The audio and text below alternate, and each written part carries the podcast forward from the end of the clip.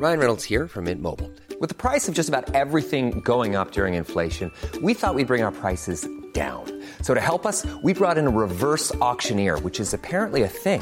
Mint Mobile unlimited premium wireless. Ready to get 30, 30, bit to get 30, bit to get 20, 20, 20, bit to get 20, 20, bit to get 15, 15, 15, 15 just 15 bucks a month. So, Give it a try at mintmobile.com slash switch. $45 upfront for three months plus taxes and fees. Promo for new customers for limited time. Unlimited more than 40 gigabytes per month. Slows. Full terms at mintmobile.com. Burrow is a furniture company known for timeless design and thoughtful construction and free shipping, and that extends to their outdoor collection. Their outdoor furniture is built to withstand the elements, featuring rust-proof stainless steel hardware, weather-ready teak, and quick-dry foam cushions. For Memorial Day, get 15% off your Burrow purchase at burrow.com slash ACAST and up to 25% off outdoor. That's up to 25% off outdoor furniture at burrow.com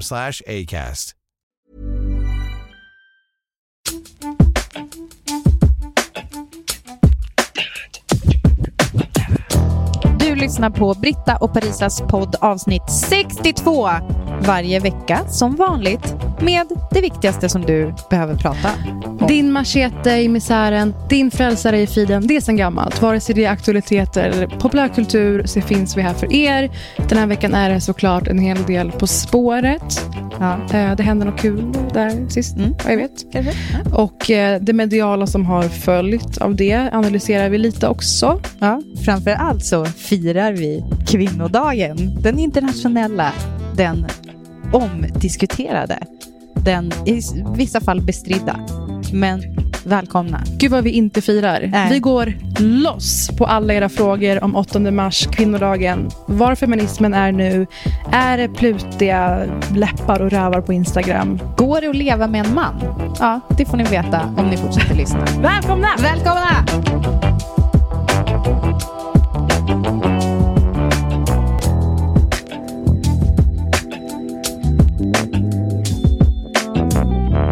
Men vi kanske ska börja med att benämna elefanterna i rummet. Mm, de två gigantiska, eh, nästan tuttliknande På spåret-kloten som står Just här det. i rummet. Eh, på spåret 2020 fick komma ut i det öppna, alltså Globpokalen, Mm. i fredags. Efter lite så rusig eh, tittarfest här hemma. Mm. Det, det dracks GT och bubbel och mina vänner trodde ju att det här var någon slags eh, sorgefest. Jag insåg att alla var inställda på att jag skulle förlora. Är det sant? Varför då? Nej, men, De eh, hörde inte ditt, de, de såg inte ditt smögleende varenda Nej, gång de prat, alltså jag- du pratade om På spåret. Men jag tror att det verkligen är så att för att det var så länge sedan så har man förträngt det på något sätt. Att Mm. det, man var inte inställd på att det skulle bli en sån grej för att man har behövt hålla det hemligt så länge. Mm. Nej, men så, eh, alltså ren och skär chock. Och då smittades det av ganska mycket på mig också som fick känna den grejen på nytt. Mm. För det var ju inte en jätteelegant dragning jag gjorde, om du har sett. Ja, men vad håller jag på med? Vad gör jag? Vem är jag? Vad håller jag på med? Vad gör jag? Vem, vad är det här? Vad är det här? Nej men jag vill säga Miami. Men vadå, det var, väl, det var väl på alla sätt elegant? Mm, Okej. Alltså rolig. Mm. Och alltså, jag, jag, så här, det som jag uppskattar också så mycket som tittare, ja, det är ju att du säger exakt vad som händer i huvudet. Mm. Varför skulle den inte vara elegant? Alltså det är väl tv-mässigt tacksamt, och det vet ju du och jag. Ja. Att man kan förstå var jag är någonstans. Ja, precis. Man får veta så här, ofiltrerat sänds det rakt ut ur Parisas huvud. Men eh, vi pratar alltså om att vi eh, vann mot Johar och, jo och Josefin. Ja, och eh, jag tror att min ingång som jag sa även förra veckan var att alltså bara att sitta här med dem, det är ganska bra. Mm. Jag får vara nöjd så. För att jag har idoliserat dem så mycket.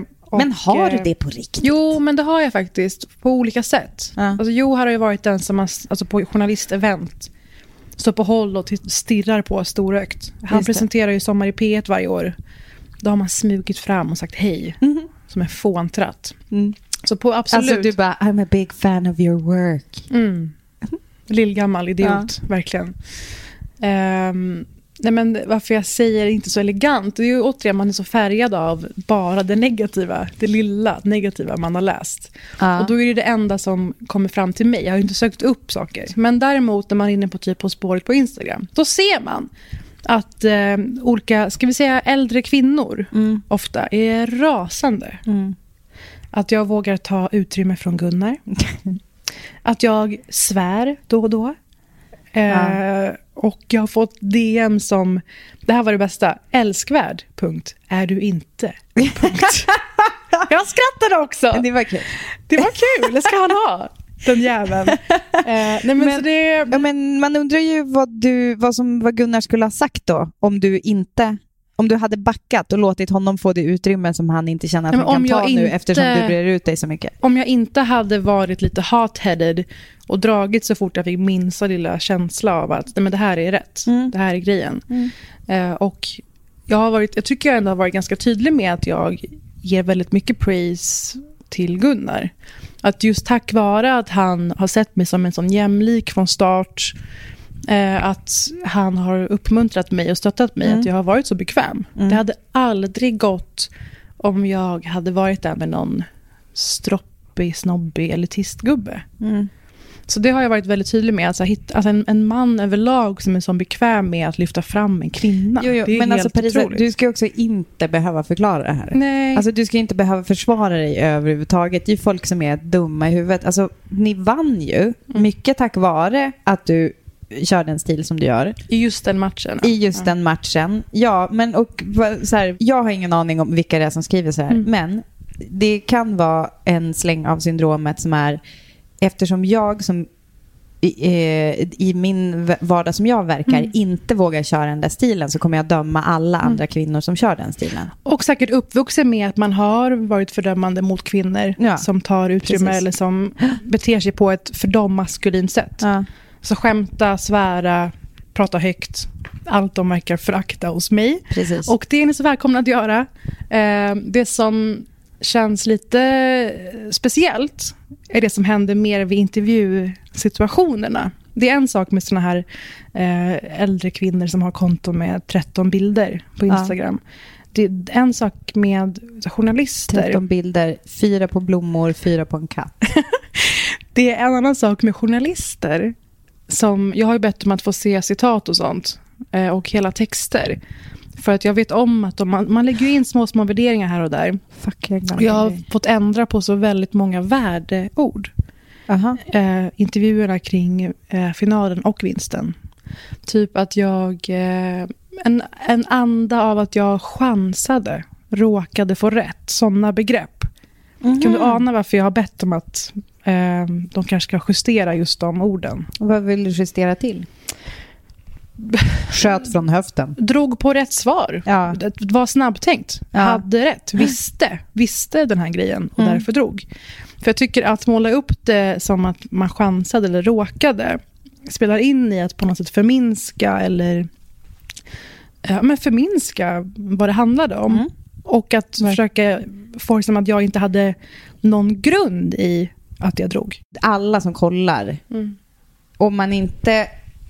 ah, Om man inte liksom fattar att du kan ganska mycket av det här. Eh, så, och din bredd som du har på just den, just den här typen av kunskap liksom, fastnar hos dig.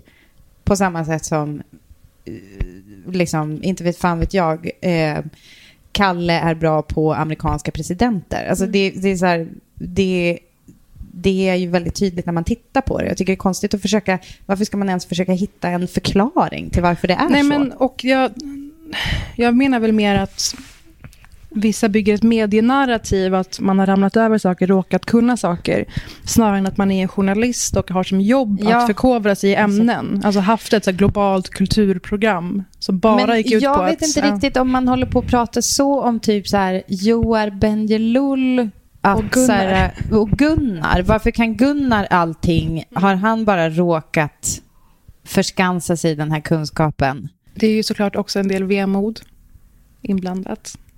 Har du någon aning varför? För att du redan bävar inför nästa säsong, eller vadå?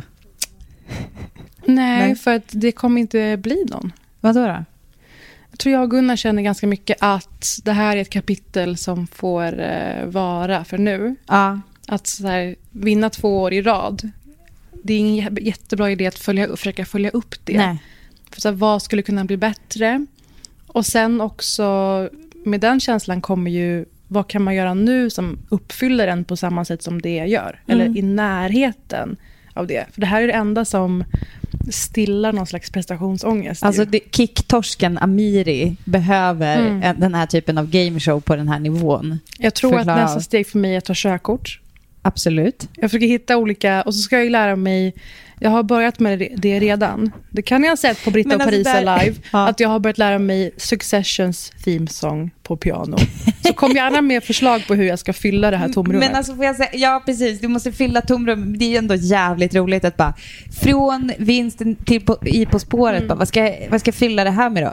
Jag tar körkort. Ja. Det är liksom samma typ av känsla. Jag tror, äh, jag tror att du, om vi ställer oss borta vid liksom uppkörningscentralen, vad det nu heter, i Farsta, kör en liten poll där. Jag tror inte att det är svinmånga som bara så här, äh, det känns ungefär som jag tänker att man skulle känna som att vinna På spåret.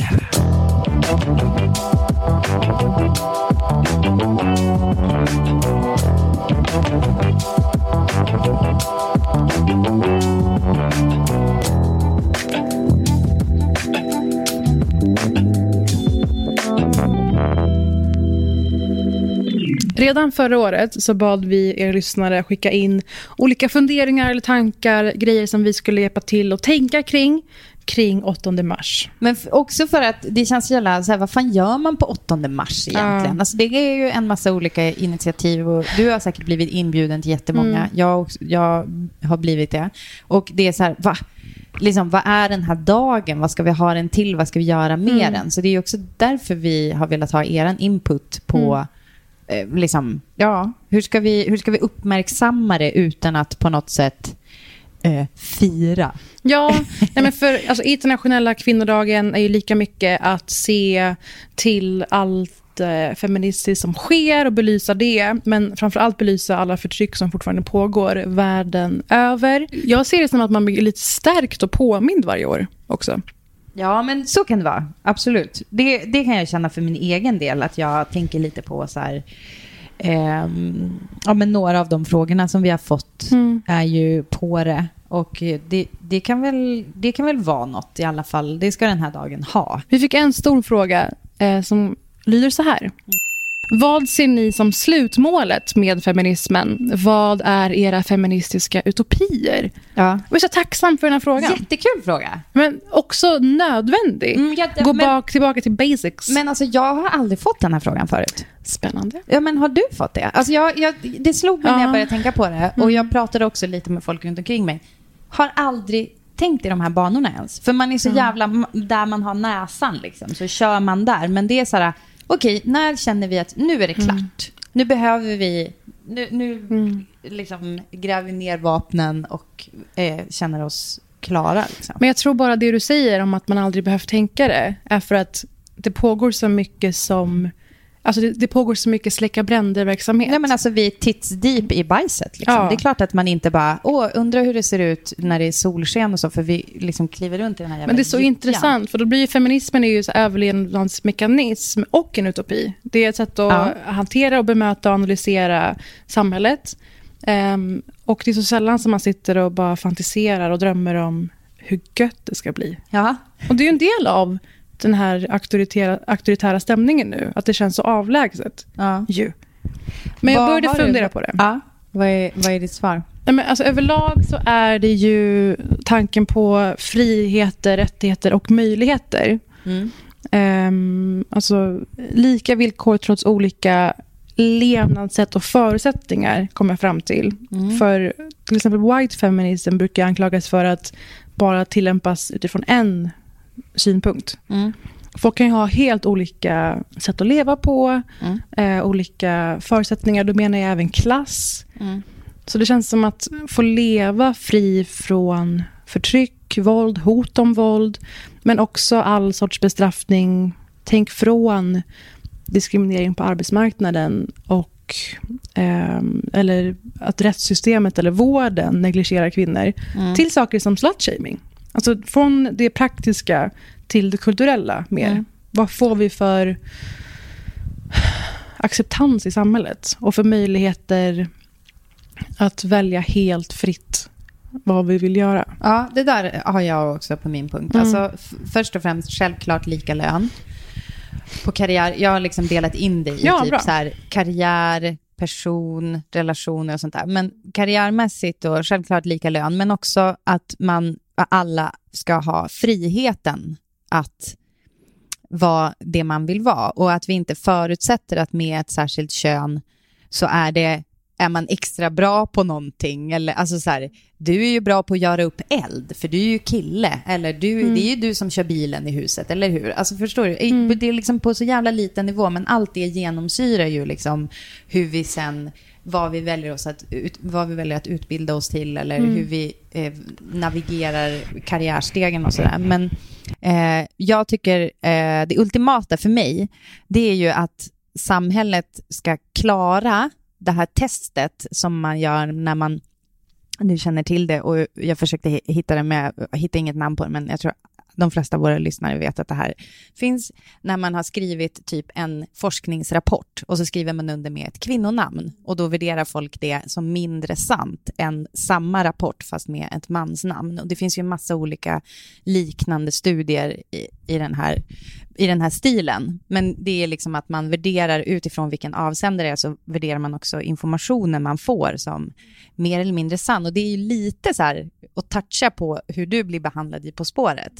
Att det är så här, för jag undrar hur många som skulle säga eh, samma saker om eh, Gunnar. Eller, Ja. ja. Men det är exakt den tävlande. känslan. Så att där tycker jag att, vi, att vi, man inte ska liksom ge... Ja, men att samhället skulle klara det där testet. Att, att eh, det var lika många som trodde på den kvinnliga avsändaren som den manliga, typ. Mm. Det är det här, eh, det här jag pratar om, mm, det här praktiska och det kulturella.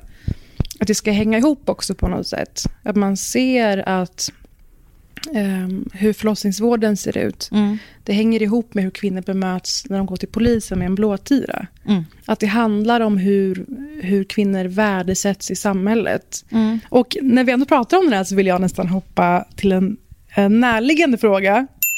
Vilket var när de frågade efter vårt feministiska uppvaknande. Mm. För det går tillbaka till roten av känslan varför feminism är svaret. Mm. Varför, varför det är svaret. För alla gör ju en samma analys. Vissa ser sakerna och drar helt andra slutsatser av någon anledning. Men vi har ju ändå vänt oss till feminism som svaret på det vi har upplevt i livet, eller det vi har sett andra gå igenom. Och för mig ehm, så känns det som att min uppväxt mer eller mindre slussade in mig i feminismen. Alltså jag är liksom en slags overachiever, eh, lillgammal person. Och kände i skolan att jag blev eh, motarbetad, förlöjligad för att jag kunde saker, höll, höll handen uppe. Jag kände mig tvingad in till att eh, sitta och kuttra med killar i något hörn istället för att vara med på gympan. Liksom. Att det krävde, jag förstod att det krävdes andra saker av mig bara för att jag råkar vara kvinna, vad min funktion ska vara. Och att växa upp med bara två storebröder och min pappa Mm. synliggör ju så mycket vad som förväntas av oss. Och jag tror också att jag har vuxit upp med ett visst manligt privilegium. Mm. Det har jag nämnt för dig förut. att Jag har insett att, att jag växte upp med den friheten som de gjorde. Mm. Ehm, och väldigt lite fokus på utseende och på sånt. Har gjort att jag är ganska märkbart obrydd. Förutom när jag själv väljer att jag tycker att någonting är kul. Mm. Alltså jag lever inte utifrån ett förhållningssätt till män heller. För jag har inte vuxit upp med en heterorelation i mitt hem. Nej, men du, lev, du har ju ändå ett förhållningssätt till män som är Mm. pappa och bröder. Absolut. Men jag menar mer det här äh, dekorativa... Kvi, kvinnorollen i det, känner Ja. du att du, den alltså är inte att given? kvinnor ska vara dekorativa, kvinnor ska vara... ehm, att kvinnor ska behaga. Mm. Den grundkärnan i kvinnan har, jag, har aldrig avkrävts mig på samma sätt som jag vetat om att det gjort från andra eh, kompisar. Mm. Det inser jag ju nu är en jättetillgång. Och kanske därför jag är så inte eager to please. Mm. Eller? Och det känns som en, sån, en grej jag fått från feminismen. Och jag tänkte inte på ordet feminism i det här. Jag bara insåg att det var olika från gång till gång. Började se mönstret i det. Och sen så tror jag att det var Hanna Fredén, om du minns. Ja. Som bloggade Va? så kul Var och sant. Eh, Hon spelar tv-spel, dataspel, lever sitt goa liv. Aha. Och eh, började följa henne kanske var 15-16 och insåg att så här, men det här är ju det jag har gått och tänkt på. Ja, okej. Så du Och- hade inget ord för det innan? Nej, det var alltifrån en hårig armhåla till att få vara rolig och dum och ful. Alltså den, bara den poolen av frihet var helt ny för mig. Och eh, blev en sån eye-opener. Mm. Har du någon aning vad som var ditt eh, wake-up call? Alltså jag, jag känner mig igen... Det är konstigt, har vi inte pratat om det här förut? Vi har inte det. Jag vet. Vad sjukt. Eh, jag känner igen mig otroligt mycket i det du säger om hur det var i skolan. Men jag har ju förmånen faktiskt att ha vuxit upp med en, eh, alltså feministiska föräldrar. Mm. Alltså, min mamma har varit chefredaktör för tidningen Herta på Det, är helt, 80-talet. det är helt otroligt. Som drivs av Fredrika Bremer-förbundet. Och Mm. sen så har hon också varit chefredaktör för kvinnovetenskaplig tidskrift. Som, alltså jag hade liksom som eh, så här, efter skolan-jobb Ja. att så här, skicka ut stora ordrar. Alltså, så här, det här är ta, det bästa jag vet. ta så här, back issues av kvinnovetenskaplig tidskrift. Alltså jag lägga ihop dem i en längtar, hög jag längtar ut. efter din biopic. Att du gör det här, hänger med Chris Gunnismark.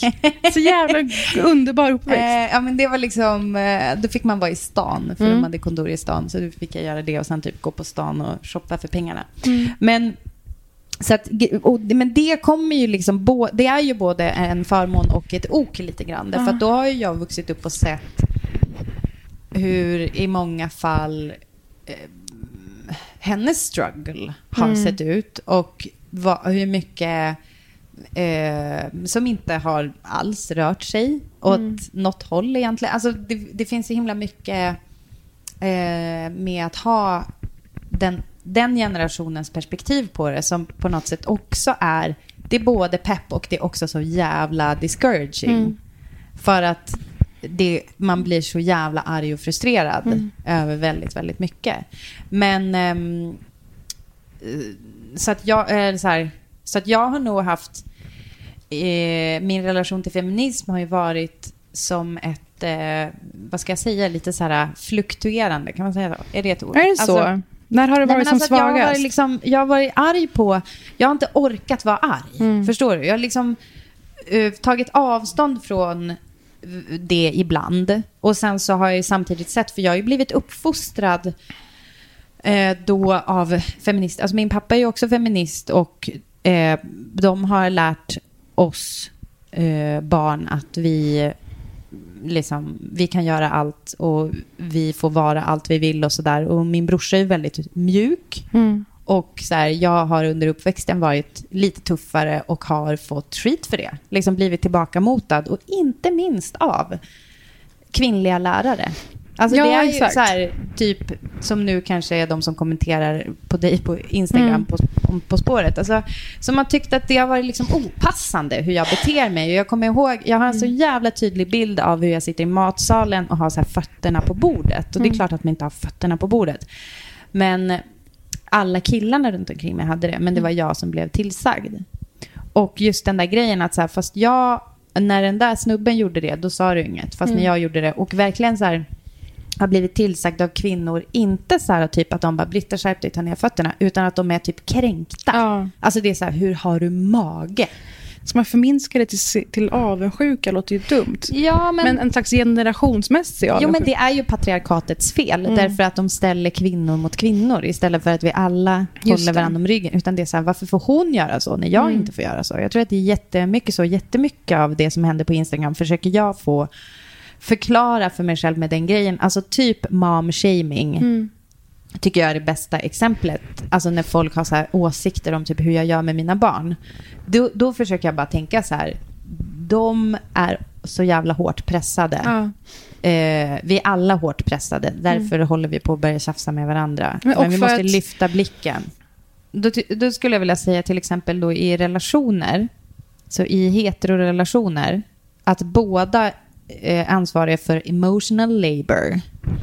Eh, att båda är ansvariga för inte bara byta vinterdäck och laga mat, Mm. utan att det är också så här, vem tar hand om det känslomässiga i Mm. familjen? Och, eller i relationen. Och det där, jag pratade med en väninna nyss som är på Tinder och berättar det till så jävla många killar som har i sin bio. Det här kanske, nej du har inte Tinder Jo. eller?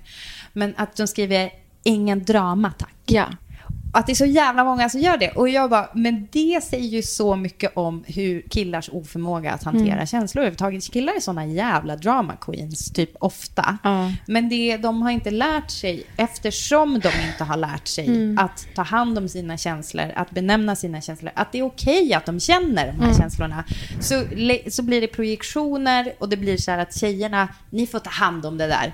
Eh, och jag kan tycka att typ en, en målbild skulle också kunna vara typ att någon säger, alltså om vi tar det i liten situation, Mm. om någon säger typ så här, har du mens eller? Och det inte behöver vara en dålig grej. Mm. Förstår du hur jag menar? Alltså för att det är så jävla så här, för, för mig är det en, en sån tydlig så här, enskild situation. Om man tänker så här att någon anklagar en Mm. för att ha mens om man är lite moody. Men så här, jag blir ju moody om Mm. jag ska ha, alltså om jag har PMS så är jag ju moody. Det det en del av hela grejen. Mm. Men det är så jävla känsligt att erkänna det eller att berätta det för någon därför att det används emot den. Jag tycker att minst lika mycket ett jämställt samhälle också är ett samhälle där vi typ tillåts vara eh, större delar av spektrat. Och det betyder också att känna mer och typ att killar ska också få känna mer. Alltså nu låter det som att vi borde baka in ännu en fråga i det här för att hålla oss till the questionnaire. Ja. Och då skrev en person den väldigt roliga. Går det att som kvinna leva ihop med en man? Frågetecken. Med vänliga hälsningar, tveksam. Och den här la jag även upp på Instagram, Britta och Parisa. Fick otroligt många intressanta svar. Ja. Ska vi läsa upp dem innan vi Gärna. svarar?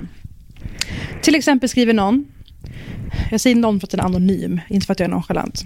Eh, Jag tror ändå att man gör en stor feministisk gärning genom att leva med en man och att förmedla denna, hur det är att vara en kvinna. En förutsättning är ju dock att mannen har ett visst intresse i att utbildas. Hur koncentrerad... Alltså det svaret rymmer allt för mig. Perfekt. Ja, jättebra. Jag svarade på det här. Och Det första är så intressant, för det är så, mycket, det är så lite i samhället som är från en kvinnas perspektiv, eller i en kvinnas sits. Mm. Så det kanske är först i en relation som en man faktiskt eh, får sympatisera med en kvinna. Ja. Leva nära en kvinnas känslor, vardag, problem, viljor. Mm. Och det är ju helt fruktansvärt att det är så. För när jag läste den kände jag så mycket att den här frågan hänger ihop med vad den här mannen haft för uppväxt, uppfostran, Mm, 100%. ideal, förebilder. Ja. Hur har dennes föräldrars relation sett ut? Ja. Till exempel. Hur fan ska man fråga det på en första dejt? Ja. Man skulle kunna fråga, ja men alltså man skulle kunna ställa någon fråga som rör empati. Eh, faktiskt. Sen kommer det fler svar som till exempel, nej men vad fan ska man annars göra om man är straight och kär och vill ha en relation och familj? En person börjar tvivla med åren och skriver, kan män klara av självständiga kvinnor? Är det något biologiskt? Att de inte behöver ta hand om kvinnan, kommer det något hinder däremellan? Och så vidare. Jätteintressant. Får jag säga snabbt svar på Det det? är många som kopplar det här till eh, dig, Britta. Och eh, att du verkar leva jämställt, skriver många. Hur har ni löst det? Nej. Det var, Alltså, jag, det var jag svarade. Men gud vad roligt att folk, men vad roligt att folk tror det. Det kan jag skjuta ner direkt. Det har, alltså, vi lever så jävla inte jämställt. Eh, men det tror jag heller inte, alltså så här, jag tror inte att någon riktigt gör det. Eh, och mitt svar på den här frågan, går det att leva ihop med en man? Alltså eh, 100% ja, men det beror ju lite på vad du vill ha ut av det. Alltså för, eh, ja alltså, jag tänker så här att man får nog kalibrera sitt instrument lite grann utifrån då att leva ihop med man, sitt feministiska instrument.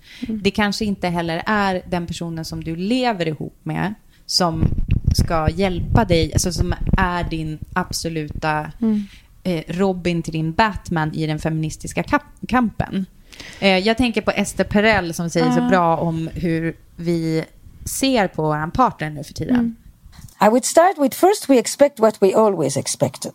So what we wanted was a companion and some economic support and um, someone to have a family with or children with and social status because you were definitely different if you were in a family or not in a family. Right. That's what we wanted. Now we still want all of that. And on top of it, I definitely need you to be my best friend. Right.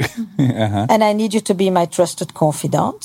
And I need you to be my passionate lover. Yes. And I need you to be my intellectual equal. And I need you to be my co parent. And I need you to be my soulmate. And I need you to help me become the best version of myself. Aha. Feminism är ju inte bara en teori heller, att det är någon yttre kamp. Det är ju i alla mellanmänskliga relationer så yttras det. Vad ens partner har för syn på en, vem som får vilken roll i andra sociala sammanhang i hemmet. Jag tycker att det i allra högsta grad påverkar hur mycket man kan vara attraherad av någon och vara kär i någon. Visa den personen mig respekt. Är jag en jämlik för den här personen? Ja. På den nivån tycker jag att det är väldigt svårt. Jo, fast, jo, fast när man lever ihop med någon alltså 24-7 i liksom förmodligen i vissa fall, hoppas jag i mitt fall resten av livet, så är det ju ganska många ytor som den här feminismen kommer prövas. Alltså, Det kanske är så att Ja, om jag ska ta typ mig och Kalle som exempel. Så här, Kalle lagar all maten hemma. Men det här pratade jag om för ett par avsnitt sedan. Det kanske också är för att jag har helt och hållet backat ur den situationen. För att jag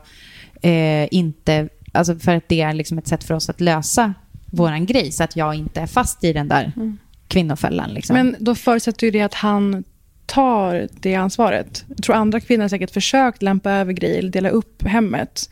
Och att det Ja, bara ja. landar i konflikter. Nej, det jag Kalle gör ju att acceptera att du Ja, inte... precis. Men sen, alltså, det är också lite fläkigt, men jag känner att jag kan bjussa på det eh, till mina medsystrar.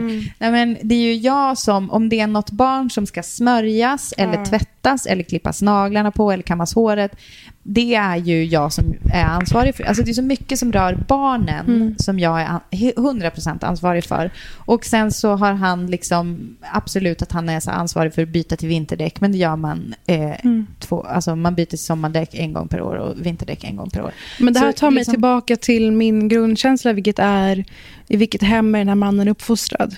Är det så att han har sett mamman vara självutplånande och uteslutande ta hand om andra? Eller har pappan varit väldigt frånvarande och jobbat mycket? Ja. Att det där för man också med sig sen i sin syn på sin partner. Att partnern bara är en krycka till hans storslagna liv. Ja. Och där har jag ju befunnit mig och känt mig att jag lever med någon som egentligen vill vara ihop med sin mamma. Ja. Alltså ett support system mer än en partner som har lika mycket rätt till drömmar och viljor och en Ja. egen agenda. Så jag tror att den här frågan är ju mer eh, alltså kulturellt meaning än bara så praktiskt i hemmet också. Ja, men jag tror också den där grejen med att så här, snubbar, för jag tror vi alla har ju dejtat en snubbe som helst vill vara ihop med sin mamma. Mm. Alltså, det, jag gör inte det eh, just nu, men jag har absolut haft sådana fall.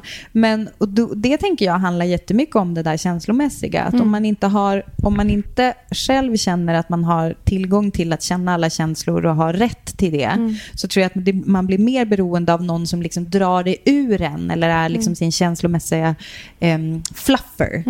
Eh, som, som en mamma och som kan man vara. själv inte behöver ta ansvar för. Det är det som är så bekvämt för de här männen. Som inte har några egna behov. Mamman finns ju där villkorslöst. Hon Ja. frågar aldrig efter någon ska lyssna på du, jag har tänkt på den här idén, eller det här Nej. jobbiga hände på jobbet idag. Eller att bara fråga, hur var det idag på jobbet? Ja. Vilka föräldrar går hem, vilka, vilka barn går hem till mamma och säger, vad har du tänkt på idag? Ja. Hur går det med den här grejen egentligen? De är ju kvar i relationen att de är centrum. Ja. Och ehm, det för oss till en annan fråga. Ja. Det är som att jag har regisserat det här. Ja, pre- precis. Och det är ju familjefrågorna, Britta. Jag kan tänka att du har mer praktisk info. Men till exempel kvinnoansvaret att rodda familjen, planera, allt ska flyta, allt löser sig män. Och att vara förälder till pojkar, allmänt om modernt feministiskt föräldraskap. Mm. Ja, precis. Vad är era bästa tips till oss som är föräldrar till pojkar? Eh, och då skulle jag vilja säga så här, eh, för det här är ju en fråga som jag tänker på, äh, men det är ju typ den största frågan i mitt liv just nu ju.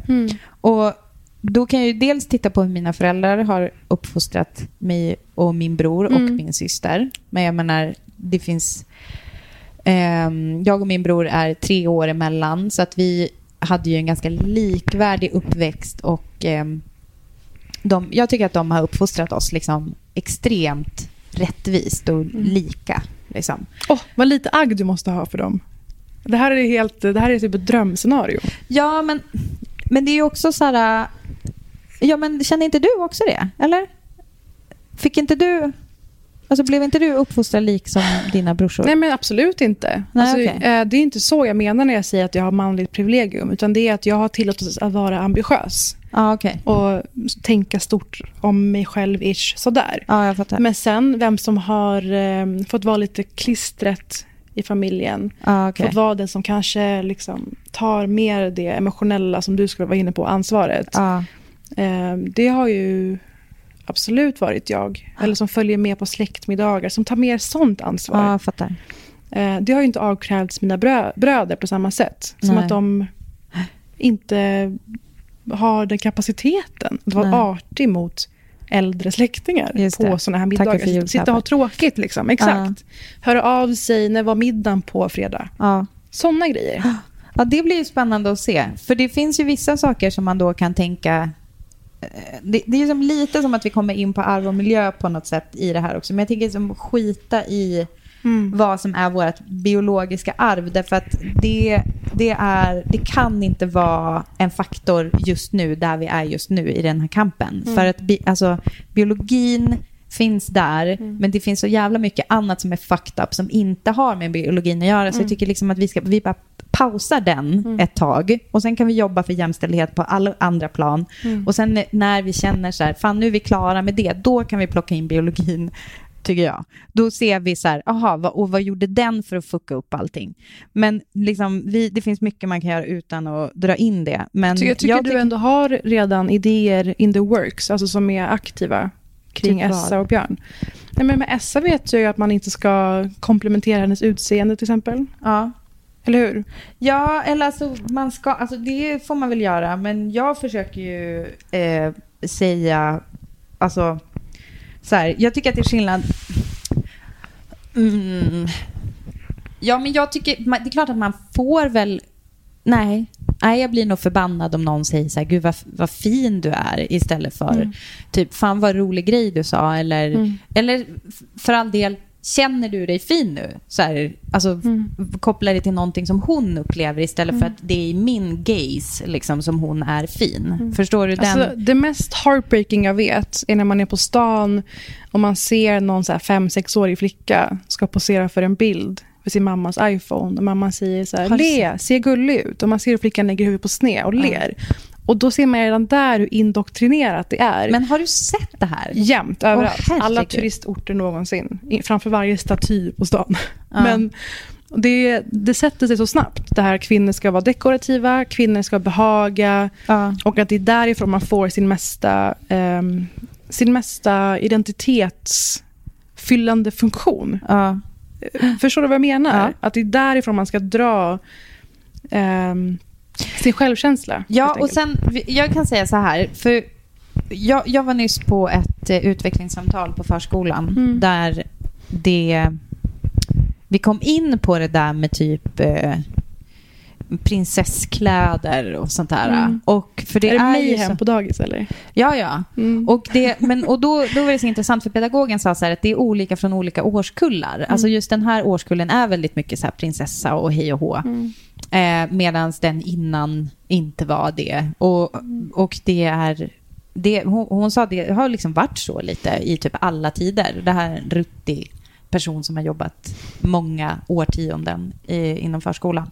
Men, och då, sen så sa hon, hon bara, fast jag tänker också att du är ju intresserad av kläder. Och så här, jag bara, well, typ, Well played. well played. Ja, men det är ju så, så här, ja det är jag ju. Ja. Och varför ska jag då racka ner på någonting? Alltså det här blir, det blir liksom nästa Fast level. så enkelt är det ju inte att det går från Nej men lyssna, kläder Nej, men till... lyssna så här, att, att jag, jag, har ju, jag blir så här, när hon säger prinsessa, då tänker jag så här, fuck, det här måste jag motarbeta. Kom så åker vi skateboard. Det är liksom min instinktiva, för så här, jag, sån tjej var jag när jag växte upp, jag åkte skateboard. Men sen så om vi tittar på mig och vad jag jobbar med och vad jag, vad jag tycker om, så är det så här, ja, kläder är en ganska stor faktor. Hur man kan leka med olika typer av roller. Också någonting jag tycker är intressant, alltså så här, min dotter är en entertainer Mm. in the making. Det, så här, det är bara, så börjar hon verka bli. Och ska jag då mota tillbaka det för att jag, har liksom något, att jag tycker att det är då typ svagt att vara en prinsessa? Mm. Men det här Förstår är både du? och. Dels det- handlar det om att uppvärdera kvinnliga erfarenheter och typiskt kvinnliga markörer. Som så här, rosa, glitter, hit och dit. Mm. Jag är med på det tåget. Ja. Det andra är vilket syfte och vilken tyngd det får. Mm. Ska det vara någons hela personlighet? Ska det vara en flickas hela uppdrag att eh, blidka blickar och se söt ut? Det är Precis. där man får göra en av, Och eh, där tycker dragning, jag, avgränsning. precis. Och så, det tycker jag liksom är två olika saker. Mm. Och där jag känner att jag absolut får panne av det där att hon på något sätt ska finnas till för att behaga. Och det, har jag, det är en av de här sakerna som jag har jobbat med ganska aktivt sedan Mm. hon föddes. Att hon finns inte för, för någon annans Ja. glädje. Och, och jag har till och med, du vet, jag, jag, eh, alltså så här, jag, jag, jag tvingar inte henne att ge kramar till folk. Jättemånga gör det. Att bara krama om den och den nu. Och ja, det blir lite awkward ibland när typ mina föräldrar är och hälsar på och de ska åka hem. Och, och eh, min dotter bara, hej då, typ, och går in på sitt rum. Och de bara står där med så här, vill du inte ge dem en kram? Nej, det är bra tack. Men Fånga det- pussen, jag ger Fast typ det är ändå liksom att du ens frågar, vill du ge dem en kram? Ja. Nej, inte just nu. Nej, Eller man precis. kanske har fått och sin, valet, sin men dos. Då, okej. Och jag kan känna det sociala konstiga. Det är ju mina föräldrar och de älskar ju henne och hon älskar ju dem. Eh, men att just, och jag försöker liksom förklara för dem och ha dem med i det här att det kanske förhoppningsvis gör att hon sen i framtiden inte känner sig tvungen att typ eh, ge någon snubbe en kram som hon tycker känns obehaglig eller vad fan vet jag. Fast det, man- gör man inte skillnad på sin familj och... Tänker du Alltså- att det kommer ändå höra ihop? Och Jag tänker så här, om man håller på och ehm, kränker, det är ett för stort ord. Jag tänker så här, om man hela tiden håller på och lär henne att din, dina kramar är liksom inte du som bestämmer över, utan om, om situationen kräver det så bjussar du på en kram. Jag kan Då ändå tänker jag, tycka- jag tänker själv Ja. att jag har varit slav under det i alla fall. Ja, okej. Och det, det är ju därför jag tycker att det är viktigt med henne. Jag känner att jag ganska många gånger har varit så här, Mm. det är bättre att hålla god min istället för att vara den obekväma som hon då blir när hon säger så här, det är lugnt, ha det bra. Mm. Här, alla är ju olika. Vissa har ju längre från det där än andra, att vara fysisk. Men jag tycker ändå att en del av att vara en så socialt fungerande person är att ibland vilja göra saker för andra som man tycker om.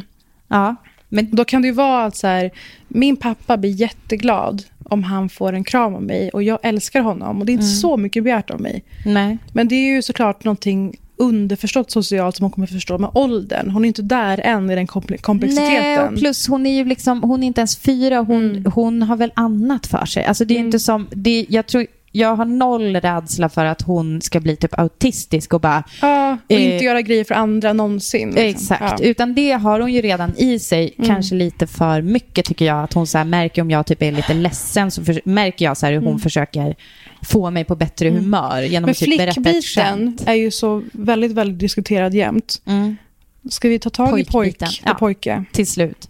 Eh, jag tycker att det är jättespännande och jag vill jättegärna ta del av ni som lyssnar som har söner och hur ni tänker med det här. Men så här tänker jag so far, sju månader in med en pojkbebis. Att jag tycker att det är jätteviktigt eh, för killar att få lära sig att det är okej att känna känslor. Och det är eh, kanske lätt att säga och låter så jävla töntigt. Men jag menar, bara den där grejen, så här, det var väl inte så farligt. Det är så jävla lätt att säga. Men om man tänker på vad det så här, innebär, alltså att pojkar inte får gråta, eller jag tror liksom att det är en cancersvulst som, som man skapar som sen blir typ, går loss med ett Incels. svärd i Ja. Darth Vader-mask. Jag tror att vi tycker att vi är så jävla moderna. Mm. Men det visar sig i hur vi är mot barn. Mm. Så tror jag att det är typ folks mest cementerade roller som Mm. liksom kommer fram i det. För att det på något sätt så kopierar man då bara vad generationen innan har gjort. Och förmodligen så kommer det då i en neverending story typ. Jaha, var det slut där? Gud nej. Vi släpper en fortsättning, en fortsättning med fler frågor som ni har skickat in och inte vilka frågor som helst. Till exempel hur vi ser på publika feminister som gör samarbeten med skönhetsföretag och hur vi själva förhåller oss till frågan. Vad ska man tycka om utseendefokuset på Instagram och just mängden avklädda tjejer? Hur påverkar detta oss? Hur hanterar vi det? Mer sånt utifrån frågorna, än fortsättning separat i poddappen för er som vill ha mer snack av den här sorten. Och ni andra, no hard feelings. Vi hörs nästa vecka som vanligt. Kram tack! Adjö!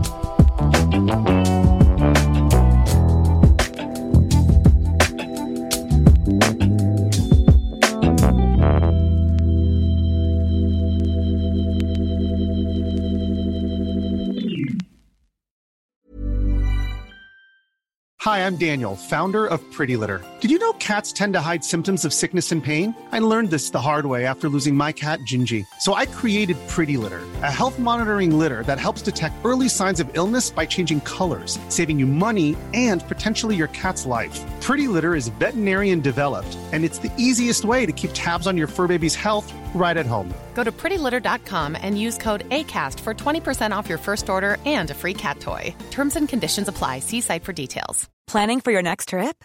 Elevate your travel style with Quince. Quince has all the jet setting essentials you'll want for your next getaway, like European linen, premium luggage options, buttery soft Italian leather bags, and so much more. And is all priced at 50 to 80% less than similar brands. Plus, Quince only works with factories that use safe and ethical manufacturing practices. Pack your bags with high-quality essentials you'll be wearing for vacations to come with Quince. Go to quince.com slash pack for free shipping and 365-day returns.